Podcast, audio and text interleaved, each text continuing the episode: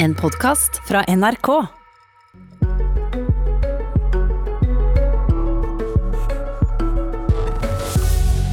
Regjeringen driver med hemmelighold og kjører et sololøp i koronahåndteringen, mener SV. Nei, nei, vi gjør ikke noe annet enn SV gjorde sjøl da de satt i regjering, sier KrF. Velkommen igjen, barne- og familieminister Kjell Ingolf Ropstad. Tusen takk. Mandag satt du her i Politisk kvarter og ga klar beskjed til norske kommuner. Nå måtte de få tilbudet til sårbare barn opp og stå igjen. Nå var det slutt på hjemmekontor og alternative oppgaver for alle som egentlig burde ha jobba med den sårbare gruppen. Men det jeg ikke visste på mandag, var at du da satt og kommenterte en rapport som var to uker gammel. Den var også hemmelig i ni dager, som vi har hørt i Dagsnytt i dag. Og da lurer jeg på, haster det ikke noe mer med de sårbare barna for deg? Jo, mye mer. Så jeg var jo i gang med masse av disse tiltakene lenge før rapporten kom. Eh, når vi erklærte koronakrise, så var jeg ganske overbevist om at dette kommer til å ramme En ting er næringslivet, for det vet vi vil ha konsekvenser, men ikke minst sårbare barn.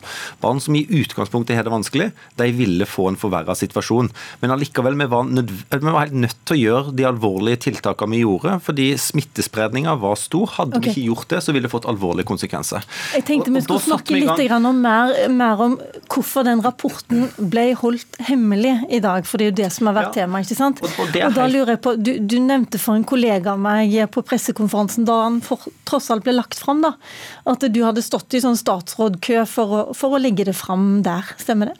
Eh, ja, altså, eh, Selve rapporten ble jo behandla i eh, altså det, for, for, for, fra starten. For meg var det veldig viktig å få mer kunnskap. Fordi jeg var veldig bekymra. Mange var bekymra. Uh, ulike påstander kom. Derfor sa jeg vi må sette ned en gruppe mellom de ulike direktoratene som jobber på vegne av departementene, er tettere på.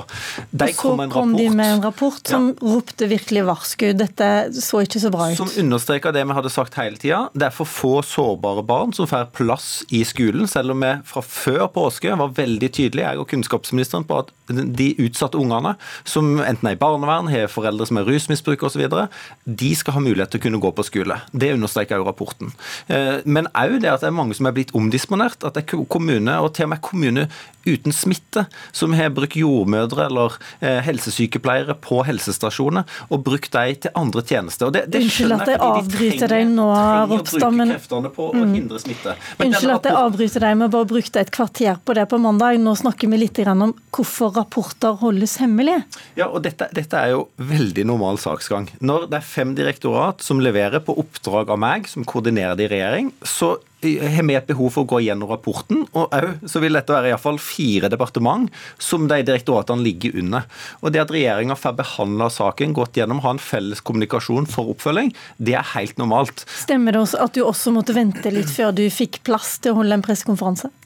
Eh, altså akkurat når dagen skulle være for offentliggjøringa, eh, det, det, var en eh, diskusjon vi hadde i, mellom statsrådene.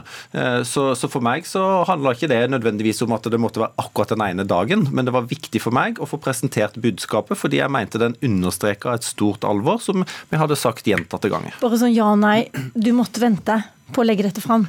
Eh, vi hadde behov for å gå gjennom rapporten, og når det var ferdiggjort, så la vi den fram. Ok, Han hadde behov for å gå gjennom rapporten. Audun Lysbakken, SV-leder, hvorfor hisser du, du deg så veldig oppover det likevel? Altså når Ropstad var i dette studioet på mandag, så sa han at han nettopp hadde fått rapporten.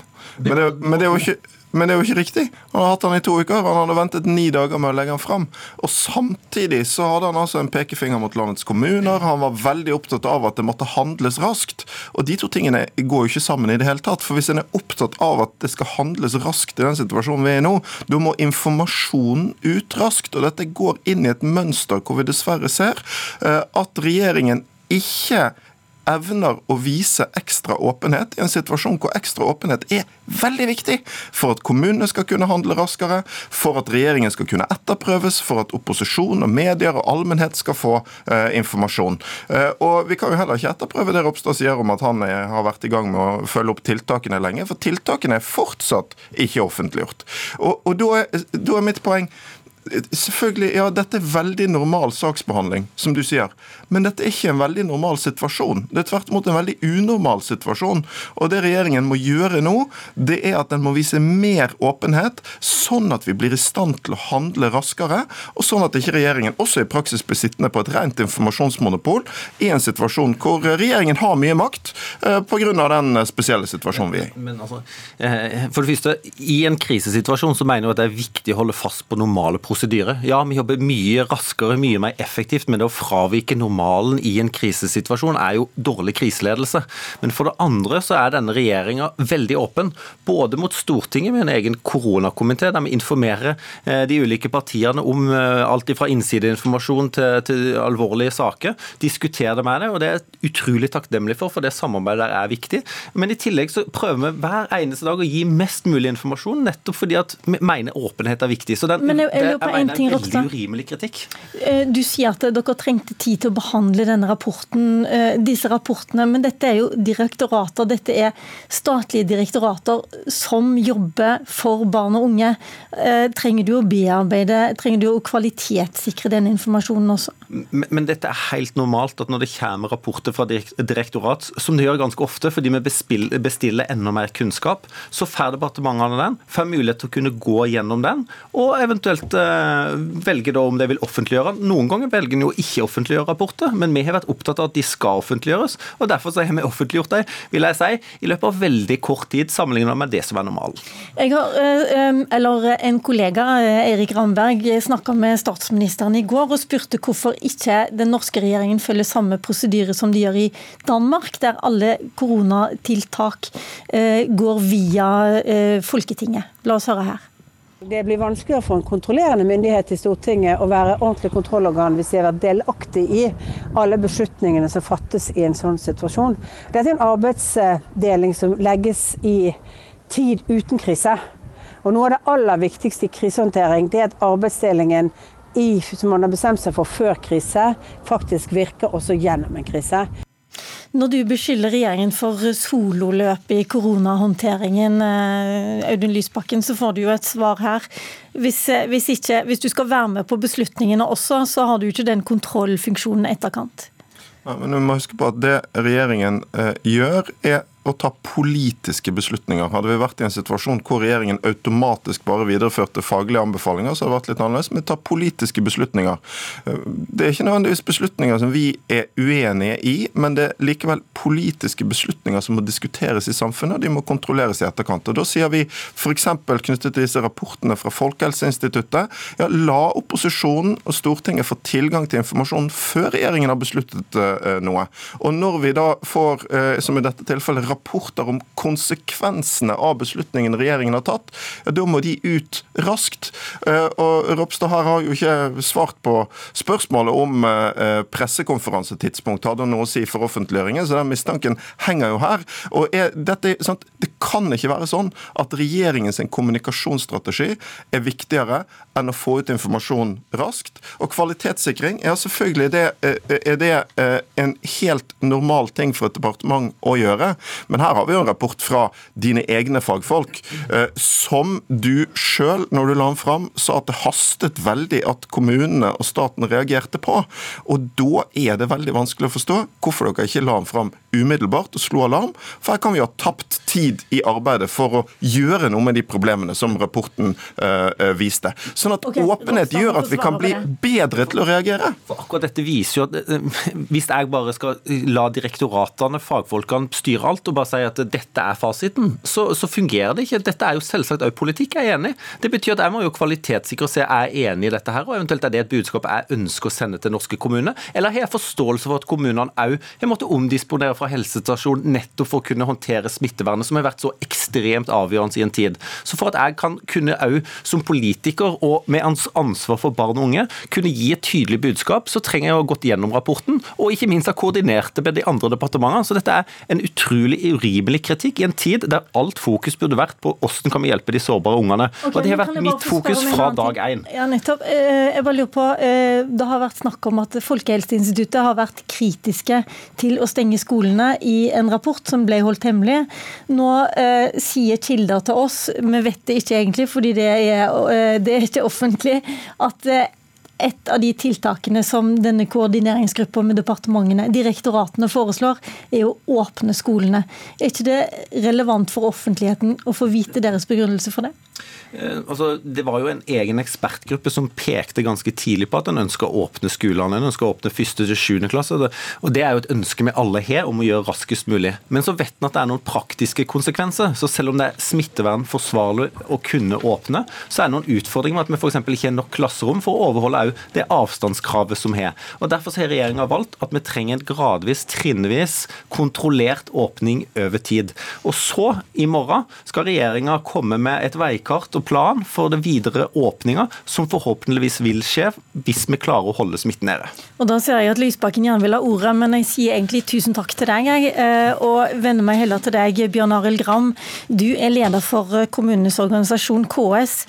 Eh, det går rykter om, og mange presser på nå for at alle skolene, alle elevene, nå skal få begynne igjen på mandag. Du sier at det er helt umulig. Hvorfor det? Ja, vi ønsker absolutt at resten av ungene nå skal komme tilbake på skolen så fort som mulig. Eh, men spørsmålet er hvilke begrensninger smittevernreglene setter. Man har jo satt bestemt en gruppestørrelse på 15 for de minste elevene og 20 for dem som er litt større.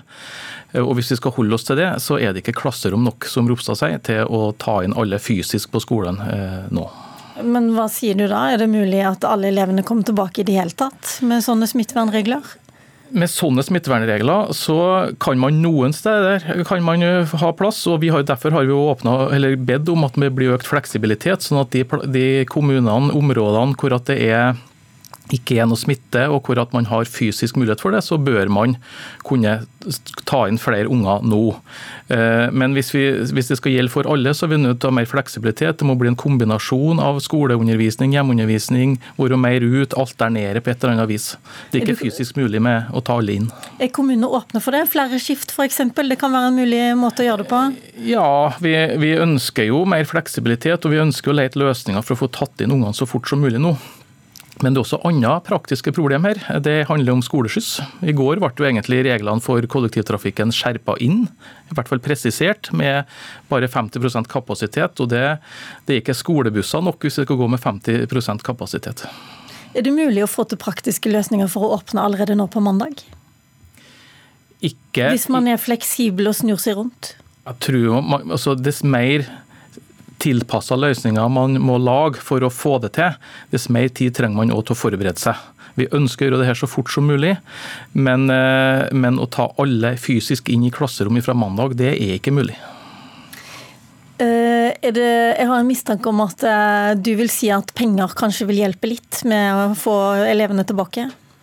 Nei, eh, det ikke, vil ikke være nok det heller, hvis, fordi det er fysiske begrensninger òg. Eh, men skal man jo ha ulike tilpasninger med lengre dager, alternere på ulike vis, gjøre andre tilpasninger, så har det også en økonomisk side, selvfølgelig, som vi må forutsette at blir kompensert. En måte å, å løse det på hadde jo vært at man hadde justert smittevernreglene F.eks. dit da at man kunne akseptert normal klassestørrelse, men for øvrig hadde begrensninger når det gjelder hvor mye ungene kan veksle mellom grupper og, og ha håndhygiene og alt det der. Har vi kunnet komme dit, så har vi jo på en helt annen måte kunnet åpne raskt nå. Men det du har også tatt til orde for, det er regionale forskjeller. At noen skoler og noen eh, kommuner kan åpne alt, andre kommuner kan ikke det. Hva da med elevenes rett til, lik rett til utdanning? Det blir store varianter, eh, variasjoner. Jeg synes faktisk at det er et dårlig argument. Vi ønsker, altså Det er best for alle å komme tilbake på skole nå. Eh, og Der det er mulig, fordi at man har rom nok og at smittesituasjonen tilsier det, så burde man nå få begynne. Det, blir, det, er, ikke noe, ikke noe mål at, at at alle skal ha i hermetegn dårligst mulig tilbud. Eh, alle som har mulighet til å komme tilbake på skolen, bør nå komme tilbake på skolen. og Derfor har vi bedt om økt fleksibilitet, og at de kommunene som kan gjøre dette, får den muligheten. Ok, Kort til slutt. Du sitter her fortsatt, Kjell Ingolf Ropstad. Hvor mye haster det å få både sårbare barn og andre barn tilbake på skolen for deg? Det haster veldig. Det er tapt eh, undervisningstid. De får jo undervisning, men det blir på en helt annen måte. Det er tapt vennskap. De sårbare barna er i en krevende situasjon. De trenger å møte trygge voksne, så dette haster. I morgen skal vi få mer svar. Takk Ropstad, takk også til deg Bjørn Arild Gram. Mitt navn er Lilla Sølhusvik, og Politisk kvarter er selvfølgelig tilbake igjen i morgen.